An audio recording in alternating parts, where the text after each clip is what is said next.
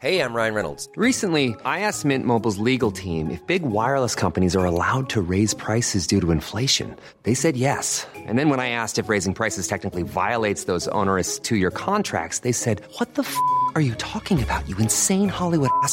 So to recap, we're cutting the price of Mint Unlimited from $30 a month to just $15 a month. Give it a try at mintmobile.com slash switch. $45 upfront for three months plus taxes and fees. Promo for new customers for limited time. Unlimited more than 40 gigabytes per month. Slows. Full terms at mintmobile.com. Hey there, it's Michelle Norris. I'm host of a podcast called Your Mama's Kitchen. When I travel, I'm usually looking for a way to find a taste of home when I'm not at home. And one of the things I love to do when I am at home is entertain. And Airbnb allows me to do that. When I was in California recently, I rented a house that had a great kitchen. And when we were sitting around the table, we're all thinking, we're in someone else's house. Someone could be in all of our homes as well. If you have a home, but you're not always at home, you have an Airbnb. Your home might be worth more than you think. Find out how much at airbnb.com/slash host. Hej och varmt välkomna till Britta och Parisas podcast. Det är dags för det nionde avsnittet där Britta gör avbön på sitt mest politiskt inkorrekta guilty pleasure. Och jag, Parisa, pratar mörk, ljuvlig humor. Bland annat om nya succéserien Russian Doll. Välkomna!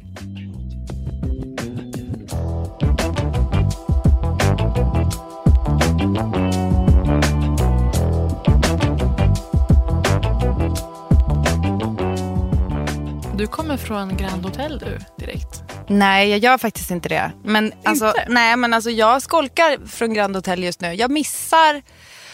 Eh, alltså jag har tjatat om Sellams visning som var i höstas på modefestivalen höll jag på att säga. Som vi kallar den. Fashion Week som är... Alltså nu är den typ två dagar. Så det är taskigt. Alltså jag tycker det är, det är taskigt mot vecka att kalla detta en Modestunden. vecka. Det är en stund. Det är en stund. Jag gjorde en hemlig grej igår. Du gjorde en hemlig grej idag.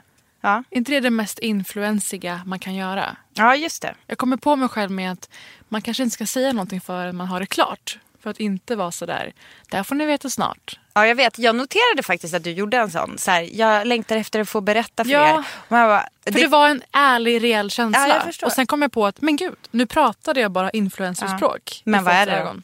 Säg det då. Jag kan säga, för det är officiellt när podden kommer ut och det är att jag ska leda Gina Tricots eh, Power Girl-gala igen. Mm. Alltså deras kvinnodagsgala. Ja, Men i år är det 7 mars. För kvinnodagen börjar ju välla ut åt båda håll. För Det är så mycket saker. Det tycker jag är fett som fan. Så jag och eh, Clara Henry kommer rodda med den här massiva galan som var en så jävla rolig succé förra året också. Mm.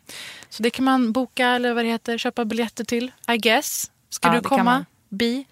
eh, jag... Eh, intressant mars. fråga. Ja, Okej då. det är klart jag ska. Har du gjort något mer älg-tv senaste veckan? Nej, det har jag inte. Den kategorin på SVT Play skulle ju vara lit ändå, som kidsen säger. Riktigt, eh, riktigt jävla li- Alltså litt är ordet. Jag, alltså nej, men däremot jag har typ eh, dragit eh, en massa spik ur träpanel. På så, gården.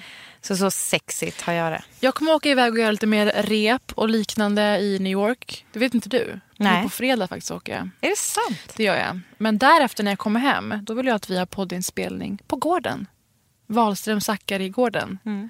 Tveksam ändå. Det kan vi ha. Nej men du, nu, tänker internet? jag, nu tänker jag så här. Ja, Klinkers kommer ja, den veckan och sen så ja, vi kan, eh, är det viktigt för dig med fungerande toa eller kök? Annars kör vi bara rakt av. Var eh, sköter ni era behov?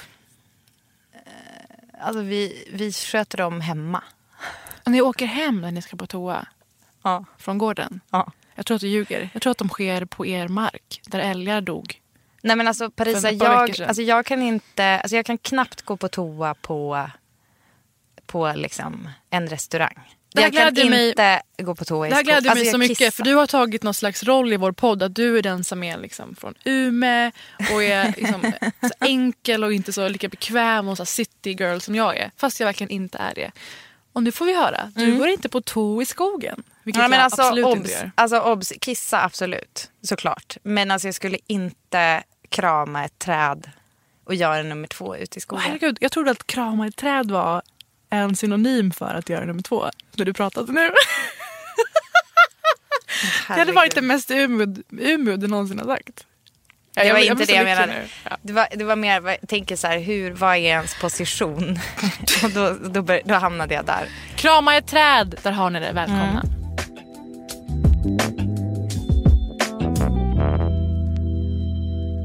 Okej Britta, vad tror du jag tycker om mörk humor? Jag tror att du älskar det. Jag tror att det är gjort för mig. Och Ja. för dig.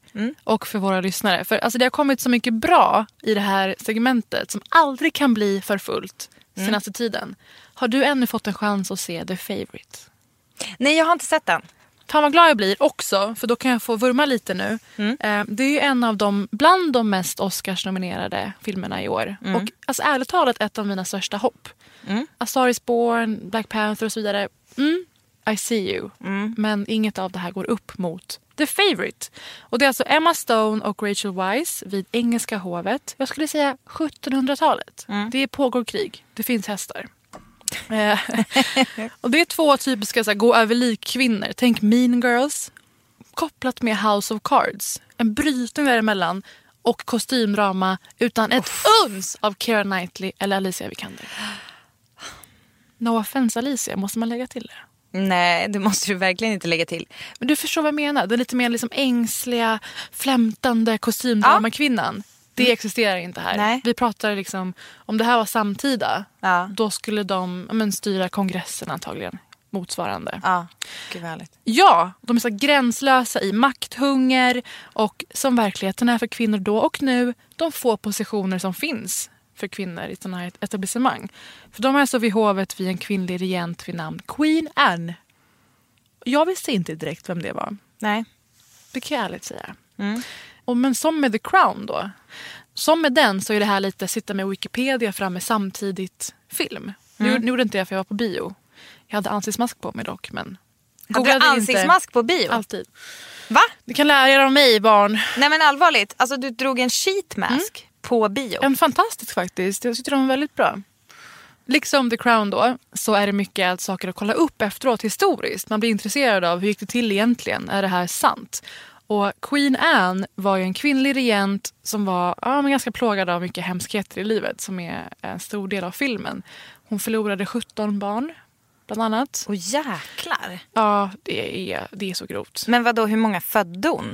Jag tror att några blev dödfödda, dödfödda Ja, om man säger så. Ja. Eh, och hon har en kanin för varje barn i sin stora sal som är hennes sovrum. Otroligt daltad med. Mhm. Och Rachel Weisz är då den här sluga personen som låtsas liksom vara väldigt intresserad av Queen Annes bästa. Och Queen Anne är Olivia Colman som fick en Ja, tack Britta. Golden Globe. Britta, vi älskar henne i alla fall.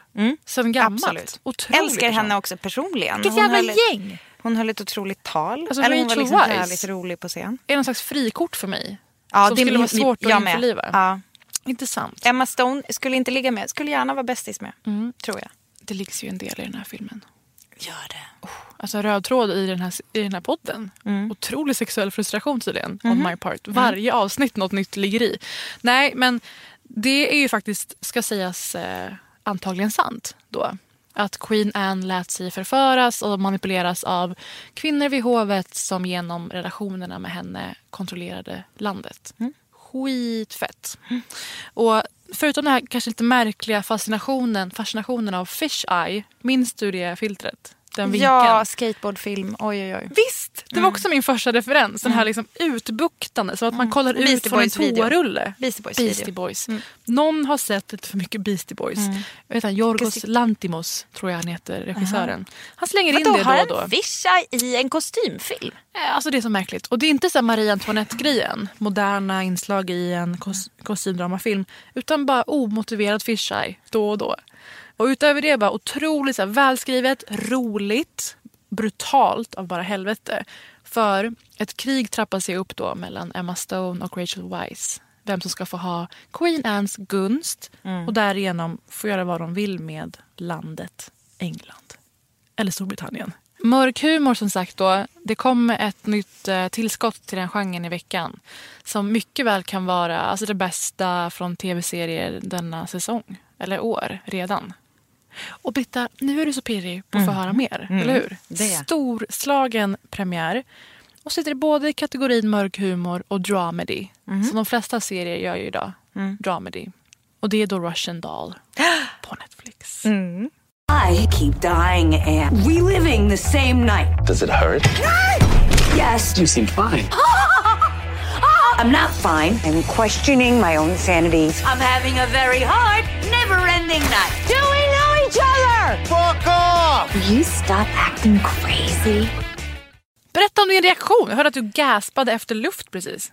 Alltså jag såg den här igår. Hela. Nej, inte hela. Jag såg eh, ett avsnitt såg jag. Men alltså, bara grundinfo som Ja. Mm. man kanske uppfattade i klippet nu i trailern. Det är alltså Groundhog Day. Om ni vill- minns Måndag Bill hela Murrays veckan. Mm. på svenska. Alltid som svensk lökig titel Exakt. på 90-talet. Från 93 då, Groundhog Day med Bill Murray.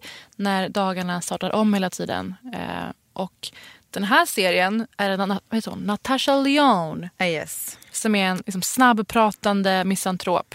Alltså underhållande människoförakt. Finns det något roligare? Nej men alltså det är en otroligt rolig karaktär. Att hon är så, alltså eh, i, eh, 0% eager to please kan man väl säga. Men verkligen. Jag satt verkligen och så här, hur ska man säga vem hon är? Och no fucks to give är så urlakat begrepp.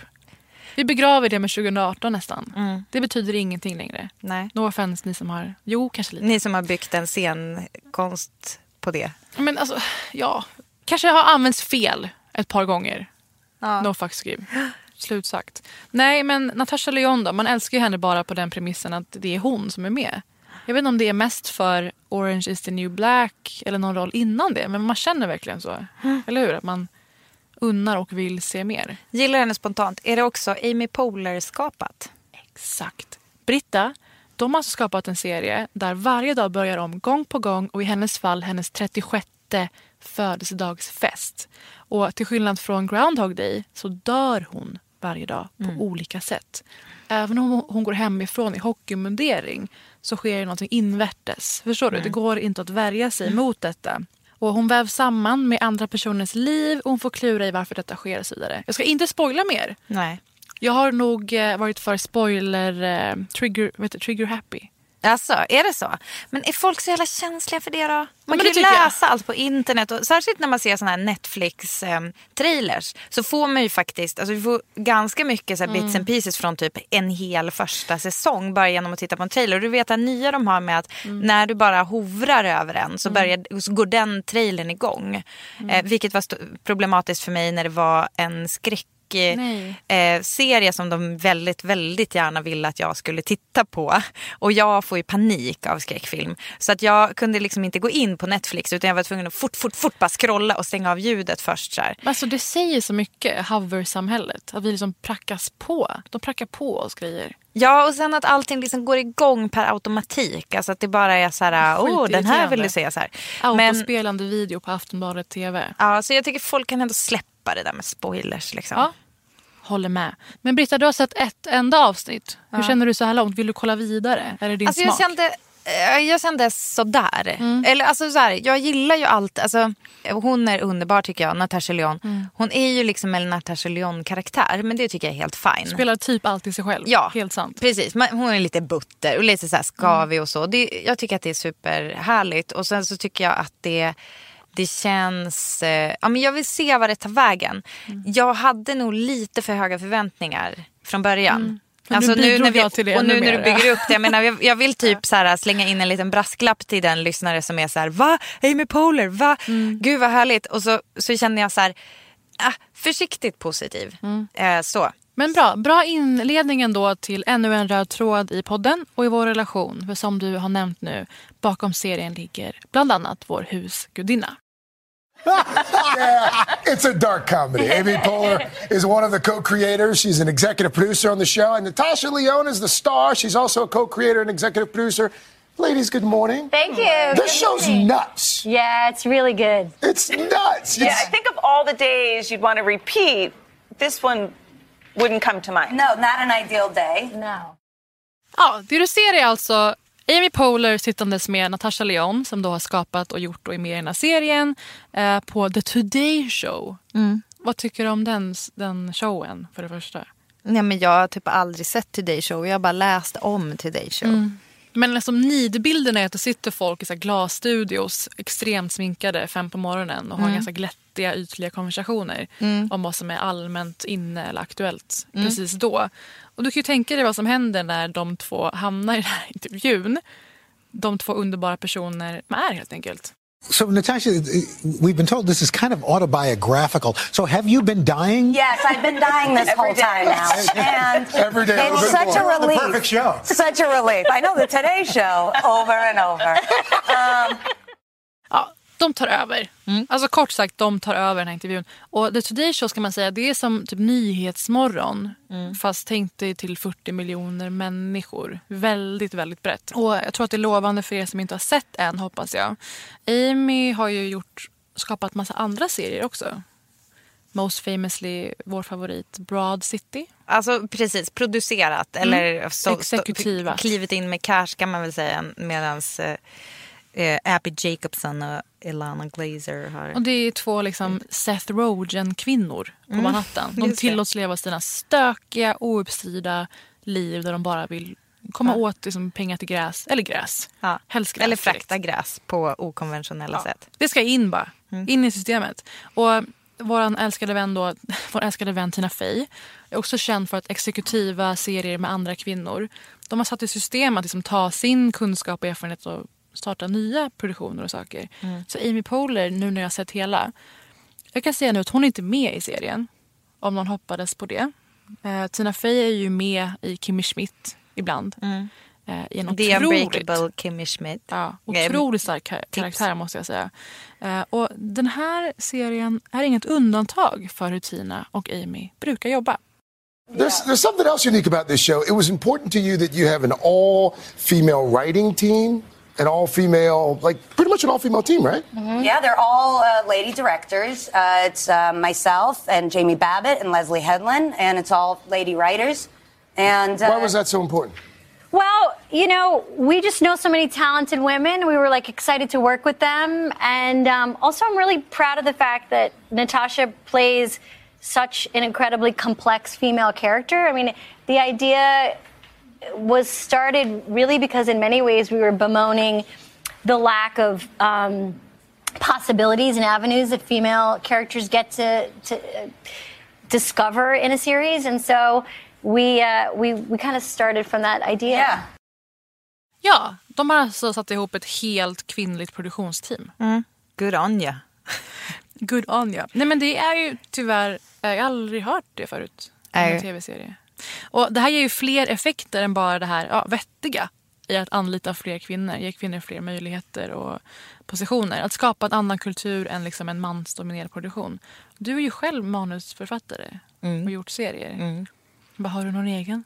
Mm, varit enda kvinnan i en grupp av killar. Ja. Och hur kan man säga att det alltså, fostrar eller påverkar processen? Nej, men alltså det, som är, det som är krånglet med det är ju att man som inkvoterad kvinna, vilket jag ändå får säga ärligt att jag har varit. För att det har inte varit, det har inte direkt varit så här, alltså det är såklart att det är så här, åh du kan tänka roligt, vill du vara med och skriva på den här grejen? Absolut. Det är ingen som har sagt rakt ut att det är för att jag är tjej. Sen har jag ju fattat i sammanhanget att det är bra för dem, det ser bra ut på pappret att det är en tjej. Eh, för att annars skulle det vara en all male eh, liksom, writers room. Vilket händer ganska ofta i historien om man säger så. Men det som är jobbigt är ju att man eh, när man ska liksom skriva, när man ska skapa någonting överhuvudtaget. Det är ju ganska tråkigt när man kommer in i det eh, för att man ska bevisa sig själv. Vilket ju blir, alltså det är så här, ja nu har ni chansat och tagit in en tjej. Då måste man liksom vara typ dubbelt så rolig eller dubbelt så bra och, och sådär. Så att det, alltså, det är ju lite svårt. Så att det, alltså jag är ju, i det här sammanhanget så är jag helt och hållet för kvotering. För att det skapar en miljö, alltså det tar lite pressure off den enda tjejen som det annars är vanligt att det är. Och om man då har liksom i alla fall strävar efter 50-50 så det är i alla fall några tjejer som kan, alltså man behöver inte vara den här tokenbruden och då kan man kanske fokusera på vad man tycker är roliga skämt. Och det blir ju också som att det påverkar humorn också. Alltså att man kan, att det är som så här, är det här ett typiskt, typiskt tjejskämt att dra? Och så blir det kanske så här, ja ah, men du som är tjej, du vet ju hur ni skulle resonera kring det här och det här. Absolut. Mm. Men jag vet inte hur alla tjejer kan resonera kring det. Så det skulle vara ganska bra om det fanns någon annan vi Mm. kunde bolla det här med. Ja. Så det, det är ju det, alltså det är ju grymt. Att de Men skapar jag, de jag håller med om det du säger. Att man ibland känner sig eller uppenbarligen är inplockad för att väga upp deras bristande rekrytering. Mm. De har misslyckats Mm. i att få till en bra spridning för vad som gäller en vettig arbetsplats och att någonting ska bli bra sen. Precis. Ehm, och det är så intressant då, det här som du säger faktiskt. Det låter som att ni är tvillingsjälar faktiskt. I, I think oddly, um, maybe as a result of all the ladies, gender almost disappears in this kind of way that makes it far more of a, a human experience and a human story. That sort of without maybe uh, the you know historical tropes of what it means to be a woman going through this experience. Yeah. So that's sort of the interesting twist about getting together that kind of a team. Ja, men det är som det du är inne på. Att om det är fler kvinnor där, då tillåts man vara mer än så kallat bara kvinna. Och faktiskt bli en mänsklig, eller skapa en mänsklig karaktär. En så kallad homo sapiens sapiens. Visst är det två sapiens? ja, just det. Det åker med i poddbeskrivningen den här veckan. Ja. Parisa och Britta reder ut om det är Homo sapiens eller Homo, Homo sapiens sapiens sapiens. Men det tycker jag är jätteintressant. Att, och vi har snackat en del om att så här, ihåliga kvinnliga karaktärer mest slängs in antingen för show, Mm. ska se bättre ut på liksom Netflix-bilder man havrar över. Eh, eller för att vara liksom en krycka för storylinen för den manliga centrala karaktären. Mm. Alltså en krycka som han sen ska få vara skev och märklig och någon slags antihjälte Mm. inom och genom. Men det här arbetssättet då, kvinnor som jobbar tillsammans och berättar historier om en person som råkar vara kvinna. Det är väldigt många fler som inte är kvinnor i serien. Det här skapar ju såklart en förvåning djup som Marianergraven inne i studion. And Na- Natasha, not only do you star in the show, uh, you produce, you write, you direct. How, how do you do it all at once? I just Well, logistically. the thing is, is you know, uh, I'm, I have clones, and between the clones and the multiple deaths, it's amazing what you can't get done. Ja, som sagt, de tar inte de här frågorna. Nej. Det är som att de deflektar varenda fråga Ja. de får. Eller vad får du för vibb av Amy och Natasha? Ja, alltså jag tycker att de inledde så jäkla starkt. När, alltså jag, sa, jag sa inget då, men när de bara oj oj oj vilket tog ett klipp och så bara Amy Poehler bara yeah it's, it's a good show eller någonting sånt där. Alltså så här bara ja fy fan vilken bra grej vi har skapat. Men det, alltså där helt- satte hon liksom ribban för. Det är jätte... Men så helt bakåtlutade och alltså trollar typ Ja, programledarna. exakt. De är där alltså, för shits and gigs Ja. helt enkelt. Det här är tydligen den första intervjun de gör om serien. Ja, okej. Och det säger de i slutet. Och Amy och Natasha bara, ingenting kommer ju komma upp till den här nivån. Det här var otroligt. Alltså har hela tiden den här syn utifrån på sig själva i Today Show-studion. Mm. För att de har gjort det här i så jävla många år. Och bara, vi vet hur den här jävla cirkusen går. Vi vet vad ni kommer fråga. Ehm, och att ni inte har sett en ruta av den här serien innan vi kom in i den här studion. Så De tar det som ett garv. De tar det som ett garv och det är så jävla förlösande. Men att de också finner sig direkt då när det kommer eh, faktiska frågor som har med deras skapande att göra och serien att göra. Där de kanske vill få det till att de ska ja, säga någonting som är kritiskt mot du vet, eh, manliga regissörer. Så kan bli en bra headline sen i någon artikel eller vad det kan vara. Och bara säga så här, nej men vi känner oss många bra kvinnor. Mm. Och så inget mer. Det, har, alltså det är ju... Någonstans så... Jag känner ju dubbelt där. Jag tror att du också gör det. Vadå? Så? Att man vill gärna eh, propagera för varför det är bra och vettigt i varje chans man får att prata om sånt. Mm. Ehm, och sen skulle man vilja bara någon gång få vara, bli behandlad som vilken showrunner eller producent som helst. Mm. Alltså inte prata om kvinnofrågan. Men Eller? det här är de bästa som, som borde Ja. göra det här jobbet. Exakt. och inte behöva säga något mer. Men då riskerar man att bli en sån som du vet, inte tar kampen. Mm. Och det kan ju också folk uppfatta det som. Men jag uppfattar Amy och ehm, Natasha som att de bara går in och säger okej det här är ett Today Show. De kommer inte fatta vad vi än gör. Och deras tittare kommer typ bli off om vi drar Ja. F-ordet. Feminist-ordet. Alltså grejen är att eh, on that note så Mm. känner jag att jag bara vill flika in en grej som jag lyssnade på min favoritpodd The Armchair Expert. Eh, jag lyssnade på intervjun med Sarah Silverman. Eh, mm. Och eh, det är på många sätt en märklig intervju. Alltså Dax Shepard eh, föll lite grann i mina ögon där. Alltså, nej, men han ska prata så himla mycket om eh, töntiga saker, typ hennes utseende. Alltså han är som helt mesmerized av att hon är så snygg och så vill han prata om det. Sarah Silverman väcker ju någon slags Sarah Silverman Tourettes hos andra människor. Ja, ja, det verkar definitivt göra hos honom av många anledning, olika anledningar som jag inte orkar gå in på nu. Men i alla fall så pratar hon lite grann om det här med att, att män liksom post me too i in the industry typ eh, som hon upplever att de är bara så här, ja ah, jag kan typ inte alltså, jag kan ju inte göra något längre. Eh, så här, jag får inga jobb typ för att jag är så här vit man. Och hon... Otroligt kul killröst för övrigt. Tack. Eh, men alltså då är det som att hon bara, det du måste göra är typ samma grej som vi kvinnor alltid behövt vara. Där, alltså du måste vara typ o, alltså typ irreplaceable eller någonting sånt där. Oumbärlig. Ja, exakt. Så Sarah Silverman är ju liksom på det med det där att så här, helt plötsligt och jag, jag, jag tror inte ens att det där är sant. Jag tror inte att det är så att helt plötsligt får män inga jobb. Alltså det här är en tv-serie som du pratar om som har en all female writers room. Alltså det finns ju som du säger väldigt få liknande exempel. Och jag tror inte att det är så jävla deppigt för de vita männen i Hollywood. Absolut inte. Men, eh, men det är just det. Helt plötsligt så måste man som snubbe kanske vara så här lite extra bra. Det måste vara en sån jävla skräll. Ja. Det är ju samma sak. Vakna, att om man liksom har levt ett liv som Natasha Lyonne har gjort i serien.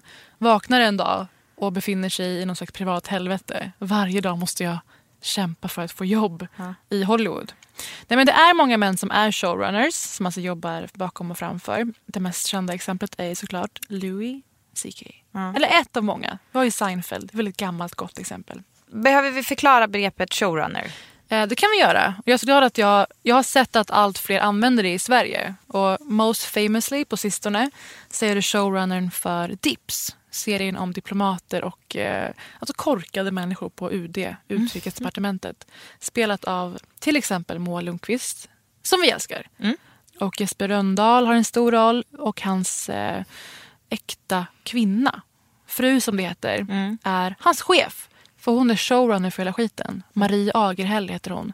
Det är en otroligt eh, tät och rolig och snygg serie. Mm. eh, Jag har bara sett lite grann. Men hon är ju väldigt bra skådis i den här också tycker jag. Exakt. Så Och- otroligt roligt uttryck. Och showrunner då innebär att man har hand om regi, produktion, manus. Låter det rimligt? Ja, alltså jag tänker att man är som en creative director typ över hela serien. Mm. Alltså som Liz Merriweather för New Girl om vi ska dra ett exempel. Men det är bara hon som om. har gjort allting. Och Jesper Rönndahl har hjälpt till på manus. Mm. Aldrig hört något liknande förut. Att en kvinna får, får faktiskt rodda så mycket över en serie som går på SVT. In och skreva. Så kudos Marie Mm. och SVT Wake the F up. Ja. Men eh, Amy och Tina är bland de främsta och första som började jobba med det här på det här sättet. Alltså showrunners och i själva serien. Då har vi ju då, som, nu säger jag det igen, som vi älskar, 30 Rock. Som Tina Fey var Liz Lemon i. Och Amy Poehler i Parks and Rec. Men det är allt fler kvinnor som gör. Till exempel min älskling Mindy Kaling.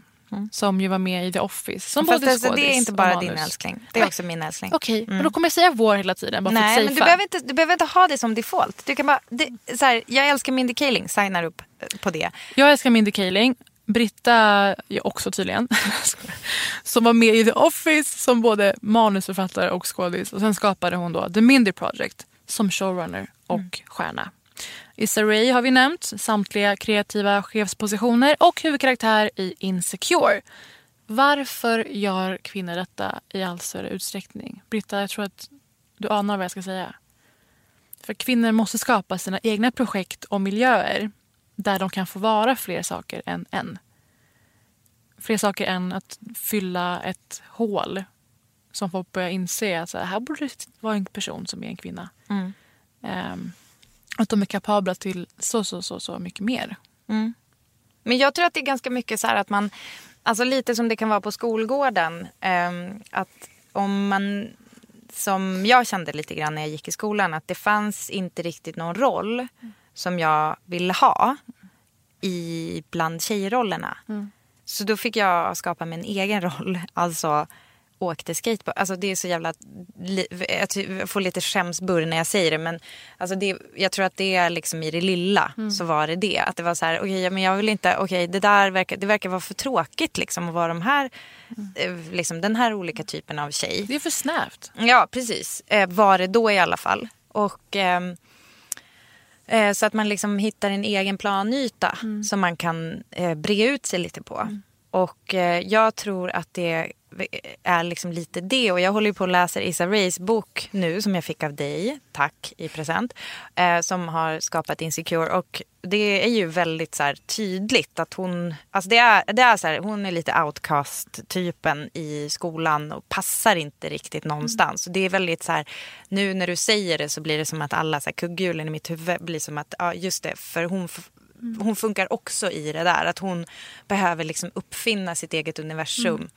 där hon kan ta plats. Det har ju vi båda gjort. Alltså utvecklat program och annat där vi antingen får bestämma över kreativt innehåll eller bestämma och vara med framför. Ja.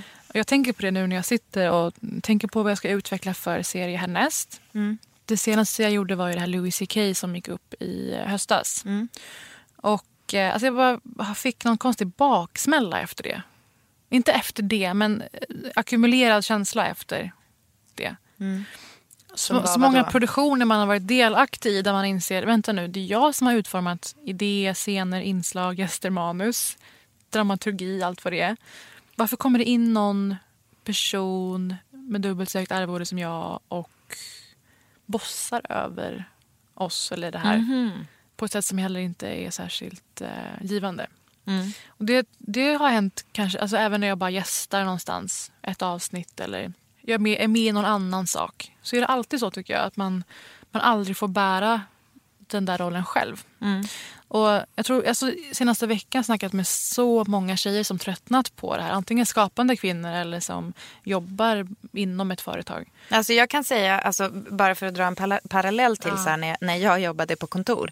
Det är väldigt, väldigt vanligt med eh, såna här roller där det är typ en kvinna som eh, kanske håller i alla trådar, fixar allt, eh, stökar allt och så kommer in en snubbe och bara pekar lite med hela handen och så sen så går han ut och så går han hem och så får den här kvinnan liksom rätta till alla misstag som han gjorde, när alla människor han blev osams med när han gjorde så och sådär. Alltså det är, eh, jag tror att man kan hitta den, de parallellerna även liksom utanför våran så här sjuka typ medievärld. Liksom. Ja. Att det är så, här, så vanligt. Att Alltså, det är, det Så här, är- kvinnor som bär en massa gubbar helt Exakt, enkelt. Exakt.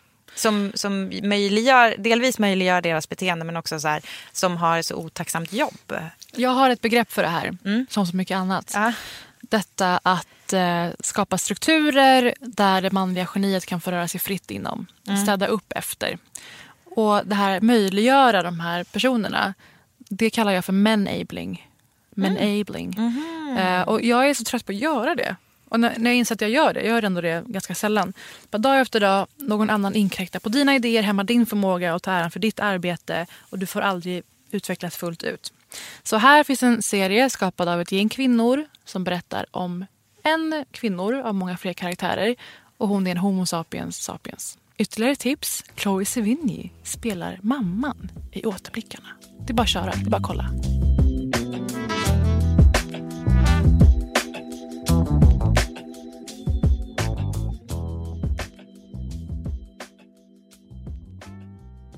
Parisa, jag har en besatthet som är liksom inte helt politiskt korrekt. Är den osund också? Ja, snudd på. Alltså den är, den är framförallt li, lite ofräsch. Och det är alltså just för att den inte är politiskt korrekt och för att men jag känner så här, alla troll som sitter hemma och skriver så här, eh, din, polit, din, din PK liksom fula ord till mig. Mm. De kommer bli jätteglada nu. För nu kommer jag säga något som är, Det är eh, så jävla de och tveksamt. fotfetischisterna som är våra mest oväntade lyssnare. Jajamän, varsågoda. Här kommer en, julkla- en tidig julklapp från B. Zagaruna. Det är så här, jag har ju eh, som du vet, ju, är ju alltid dumt att säga när man ska säga något som kanske inte alla vet. Men eh, jag tillbringade en sommar i Williamsburg i Brooklyn. Det lät som en, eh, en Alex Schulman-roman. Gjorde det? Oj, hjälp. Tänk om min, mitt liv vore en Alex Schulman-roman. En sommar med henne Ja, i ja, ja. Mm, en sommar i Williamsburg. Det var underbart. Vi bodde i ett stort så här, warehouse som hade typ jätteolagliga lägenheter och sådär. Det blev en br- brand i Matsobal bageriet i källaren. Ja, absolut, du hörde För de rätt. som inte det var ett judiskt bageri. vad matzebal är. ehm, det äter jag ibland. Gör du det? Cats. Eller på um, Paul, fan heter du Det, vet, det är typ, jag ska säga en svensk eh, översättning, klimp. Ja, det är som märklig mat dock. För man har tagit så bröd och klumpat ihop med lite... Mjöldegar, eh, deg i soppa typ. Det är en degboll i soppa. Ja. Fortsätt för Mm. all del. Eh, så vi hyrde ju av Mr Lieberman. Eh, som alltså var en eh, chassidisk jude. Och eh, de här eh, chassidiska judarna kan man känna igen väldigt mycket. Männen på sina höga hattar och eh, långa tinningslockar. Eh, väldigt eh, typiska för New York, eh, liksom gatulivet på New York skulle jag vilja säga. Grejen är att eh, jag läste en bok det här var kanske några år innan jag åkte till New York och, och bodde där en stund så läste jag en bok som heter Okej amen. Har du läst den? Jag har ju det. Den är skriven av Nina Solomin som själv är judinna och eh, reser till Williamsburg för att försöka infiltrera kan man väl säga. Alltså det är lite så här wallraffande. Hon, hon ska leva med chassiderna och liksom försöka komma dem in på livet. För grejen är att de lever i en världsmetropol och har så otroligt slutet eh, eh, society, vad säger man, samhälle. samhälle. Eh, ja, jag är så amerikansk, jag kommer inte ihåg vad det heter. Nej, men, eh, de, de pratar ju till exempel först och främst jiddisch. Det är inte alla som ens kan engelska, trots att de bor i New York. Männen känner vi då igen, som jag sa. Kvinnorna, lite svåra att spotta eh, för ett otränat öga. Därför att kvinnorna och här börjar min besatthet. Därför att jag är liksom, jag är så fascinerad över det här. Att i andra kulturer där man bara, kvinnorna får inte visa sitt hår, de ska inte visa så mycket hud. Chassiderna bara, ah, men vad sägs om peruk? Eh, så då har de, de bara, ah, okej jag klipper av mitt hår, skaffar peruk som ser exakt ut som mitt hår. Så det är så här, du ser hår, men det är inte mitt hår. Det är helt otroligt. Jag, äl- alltså jag älskar liksom det. De har hittat ett loophole. Men det är så intressant ändå för att det får inte alls lika mycket uppmärksamhet Nej. som kritik mot eh, islam Precis. grundat i slöja och sånt. Ja. Eh, och jag upptäckte det här som du berättar nu när jag kollar på eh, den här eh, filmen som består av olika småfilmer. I Love New York heter den tror jag. Just Om det. olika livsöden i New York. Där ett av dem är Natalie Portman som gifter sig med någon. Och hon visar att hon har rakat huvudet under det här sin kommer inte peruk. jag ihåg. Jag hade ingen aning innan Nej, att det okej. var så.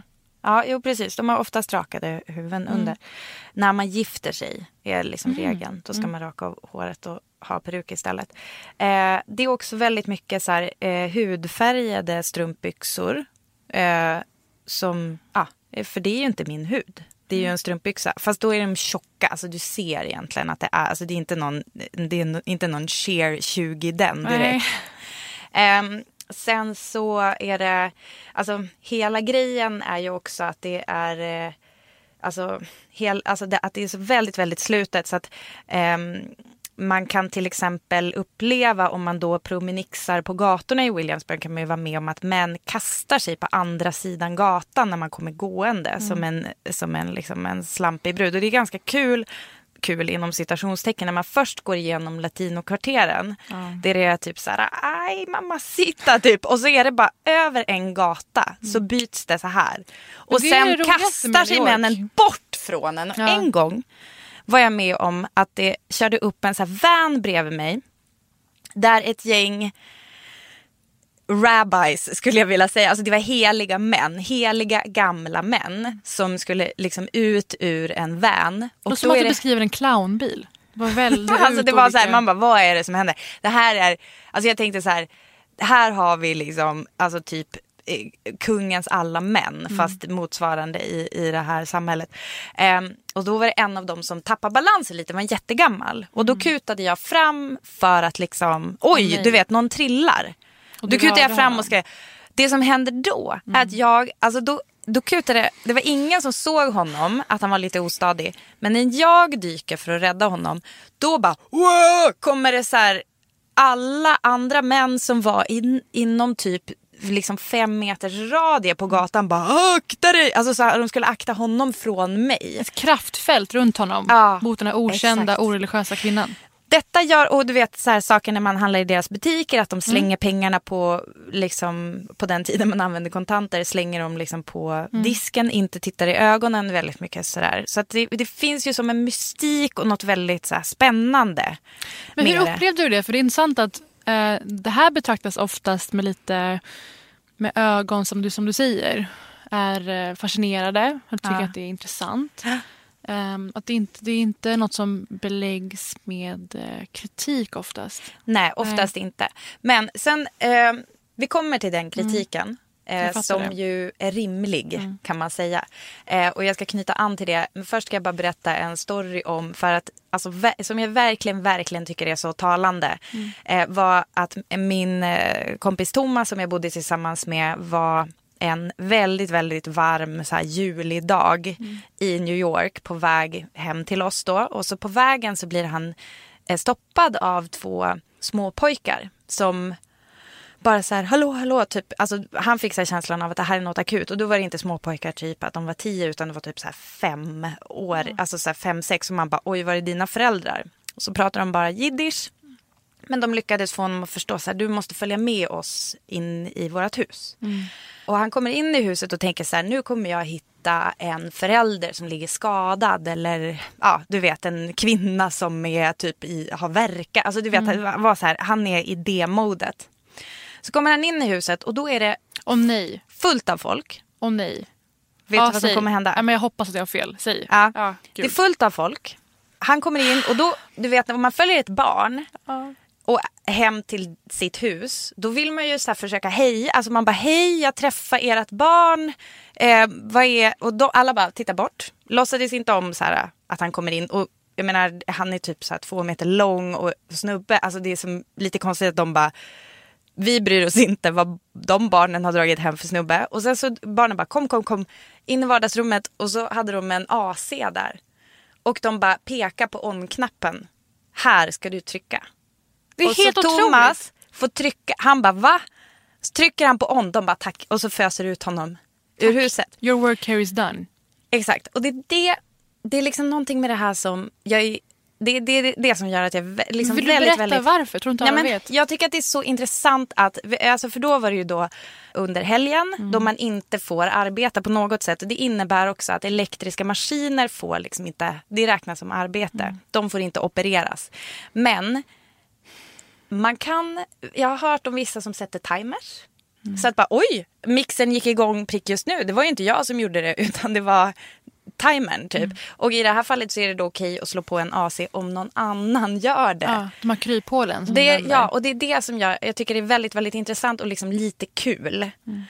eh, med kryphålen. Men du efterfrågade kritik, absolut Parisa. Och det är här jag känner att Ja, jag min... vill inte vara den Nej men alltså De- det är Debbie rimligt. Downer-personen. Och det är det, det jag säger, alltså min besatthet är ju på ett sätt konstigt, alltså för att det är så himla så här utifrån perspektiv och att jag bara, alltså jag har ju på något sätt råd att tycka att det här är så spännande liksom. Men jag kommer absolut att ta ner mig själv från den här positionen eller vad man ska säga. För jag tittade i helgen på en dokumentär som finns på Netflix nu som heter One of Us. Du skojar. Har du sett den? Du skojar. Alltså om det är den du tror, då är jag så peppad nu. I den här dokumentären så får vi träffa ett antal personer som på olika sätt har eller vill lämna eh, the community. Liksom. Eh, och eh, för att ytterligare liksom stärka den här bilden av eh, den här fascinationen över hur lite samröre man har med världen utanför helt enkelt så ska vi nu lyssna på när Ari eh, som är 18 år upptäcker internet. Wikipedia was a gift from God. Yeah. I, I will be, I'm really honest right now. I don't know anything. I don't know the basics of math. Never went to college, high school. No, I was in Jewish schools though, since I was born. Like since I went to school the first time. Gud, nu vill jag kolla vidare. Ja, det, den är otrolig. Och eh, när han pratar då om att han har gått i Jewish school, man bara, det är en skola. Jo, absolut, men vi får bland annat se en bit eh, som en annan person som heter Etty Mm. eh, visar eh, sina barns läroböcker. Ehm, alla tjejer i en engelska bok då, där det kanske står så här, eh, typ eh, Susan goes to school. Och så ska man ringa in typ alternativet där Susan går till skolan eller där Susan typ sitter hemma och käkar en macka. Eh, bara det att eh, alla tjejer är censurerade, överstrukna med svart märkpenna. Eh, så hon bara, Etty pekar ut det faktum att hon bara, hur vet mitt barn ens vilken som är rätt svar? Därför att det är bara svarta blobbor över tjejerna. Det är Ehm, så opraktiskt och orimligt. Ja, och, liksom, och också alltså, kvinnors ställning i det här samhället är inte bra. Alltså. Eh, jag kommer ihåg det från när man handlade i ehm, de eh, chassidiska butikerna. Att, eh, och jag vill verkligen så understryka för att många gånger i den här eh, dokumentären så pratar man om judendom. Alltså så här, I went to Jewish school. Men alltså Jewish school är inte så... Alltså, Nej, nej, nej. Alltså, det här representerar ju- Det är inte judendom Nej. utan det är en väldigt, väldigt, eh, ja, väldigt smal del av judendomen. Ehm, och eh, jag kommer ihåg när man handlade i deras butiker att det var så här, du kunde köpa ett flingpaket och så på baksidan är det typ en familj som sitter och käkar tillsammans. Nej men då, då är liksom kvinnorna överstukna, alltså i butiken. för att det ska vara typ korser för dem. Alltså inte ja, korser i deras ögon. Ehm, och den här Etty då, eh, som vi får följa, som eh, vill lämna samhället. Hon har alltså sju barn. Eh, hon blev bortgift när hon var 19 med en man som hon hade träffat i typ en halvtimme. Och eh, jag ska inte berätta för mycket. Jag tycker verkligen, verkligen, verkligen att den här dokumentären är så Mm. sevärd. Jag har hört jättemycket om den. Jättespännande. Eh, det var inte den jag tänkte på. Nej, Men jag ska berätta jag sen. vet också att det finns en annan. Eh, Vi kommer att kanske knyta an till det om en liten stund. Vi ska eh, höra en annan röst. Men jag vill bara berätta först om, om Etty som... Alltså hon, har, hon försöker liksom lämna sin man på grund av misshandel. Eh, och det är en väldigt eh, mörk, eh, eh, svår, snårig väg hon ger sig in på. Som tur är så finns det, och mycket av filmen kretsar kring det, en organisation som heter Footsteps som Mm. hjälper folk som vill lämna chassidiska communityn. Det är bara 2% som någonsin lämnar. De har inte så mycket avhopp och mycket beror på just att de har så stark community. Alltså, de har ju till och med som ett eget typ ekonomiskt system, de har egna banker. De, du har kanske varit och handlat på B&H som är en väldigt stor typ radio, alltså vad ska man säga, typ så här tv, vitvaru, Elgiganten. Elgiganten exakt, fast i New York. Ehm, som är en upplevelse i sig för att de typ skickar paket genom eh, butiken i något slags tågsystem eh, där alla boxarna rullar på löpande band. Det är väldigt eh, mycket av en upplevelse men också ehm, liksom där pengarna rullar in i som sen eh, jobbar till förmån för dem som lyder reglerna. Och sen så, för de som bara inte säga, vill lyda går det inte så alltså bra. En, bra, en bra indikator för hur tolerant en, en kultur eller en gruppering är, är hur folk reagerar på om man någonsin vill lämna den. Ehm, Just det. det återkommer man ju ofta till när det handlar om eh, grupperingar, även om det är så självvalda intressen eller om det har med religion att göra. Och det här är ju väldigt tydligt i det här fallet att det är så fruktansvärt svårt och att man klipper med hela sin familj också. Precis. Då, om man ska vilja göra det. Och du klipper med ett nätverk som kanske kommer hem till dig och passar dina barn när du är Mm. sjuk. Alltså det, är så här, det, finns, det är otroligt stark eh, eh, gruppkänsla. Liksom. Inte bara din blodsfamilj utan också bara folk i din församling. Eh, vi ska höra hur, för, från en annan kille som heter Loser. Jag tyckte det var lite problematiskt. Det stavas L-U-Z-E-R men ja, inte Så Loser. det tyder ju, förlåt. Det tyder ju ändå på hur lite samröre familjen haft med utanför världen. Att de inte vet om att loser betyder någonting annat. exakt, exakt. Loser som vi nu ska höra från, han är skådis eh, i LA. Absolut. Han har lämnat för typ tio år sedan. I think movies had the biggest influence on me. when I was a, when I was a young adult, I used to go to Blockbuster. You know, I would look around, make sure there's no minivans parked in the parking lot, for example. And I would buy these DVDs and stuff them with the spare tire in the car and come here, park my car here at night and watch movies in the car. Until the cop came over to me one day and asked me what I'm doing here. And I said, uh, I'm watching a movie. He said, Why are you watching a movie here? Why don't you go home watch a movie? I said, I, I, I can't watch at home. And it's like, what are you watching? And I said, it's a great movie. It's called Crossroads with Britney Spears.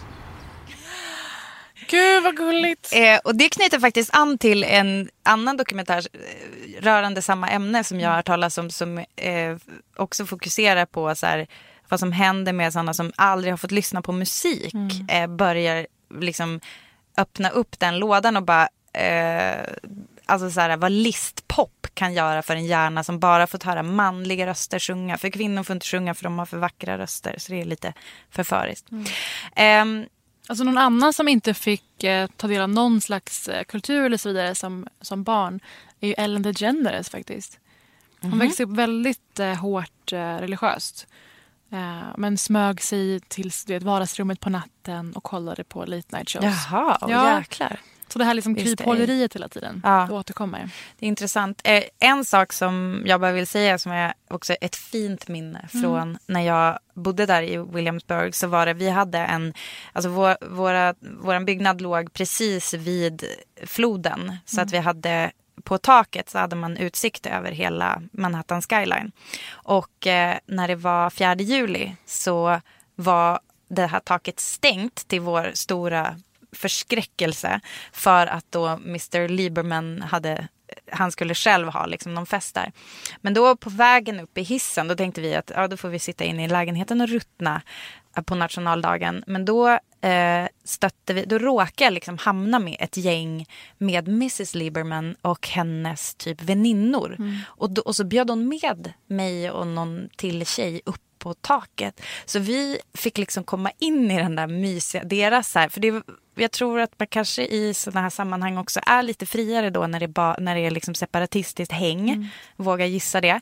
Eh, så då var vi liksom bara vi och en massa eh, ladies som eh, kanske vågade släppa loss för Gud, typ knyter ju första gången ihop, på skitlänge. eh, knyter ihop dagens två ämnen. Och såg fyrverkerierna Ja. från Macy's. Gud, älskar.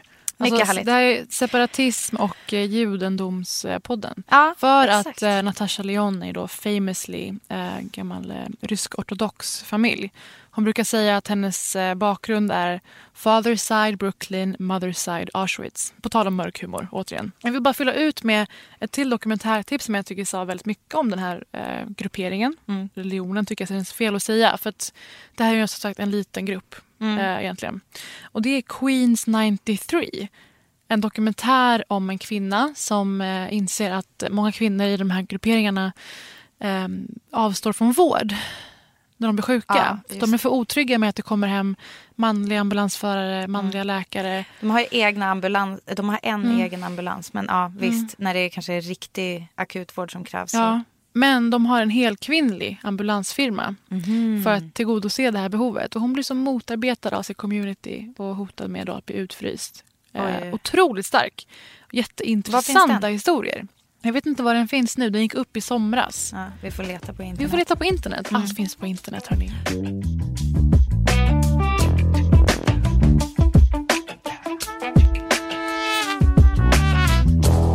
Jag förstår att du undrar vad jag ska göra i veckan. Ja, absolut. Jag åker till LA.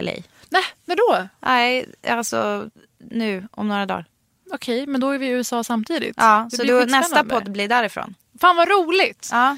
Eh, och idag fredag så är ju jag med i semifinalen Ah! i På spåret. Vem säger sånt? Mm, du tydligen. Den här enda Sådana gången. som rycker på typ två sekunder in på tio poängsfrågor. Fucking Bangkok. Gud vad alltså. svettigt. Och jag kommer sitta och svettas. Åh herregud. Ja ah, vad kul. Gud vad roligt. Eh, du får berätta för mig vad den där sheetmasken heter så ska jag eh, prova och utvärdera i nästa podd. När Okej. vi ses i USA. Vi ses i USA, eller vi hörs från USA. Det gör vi. Puss. Puss och kram.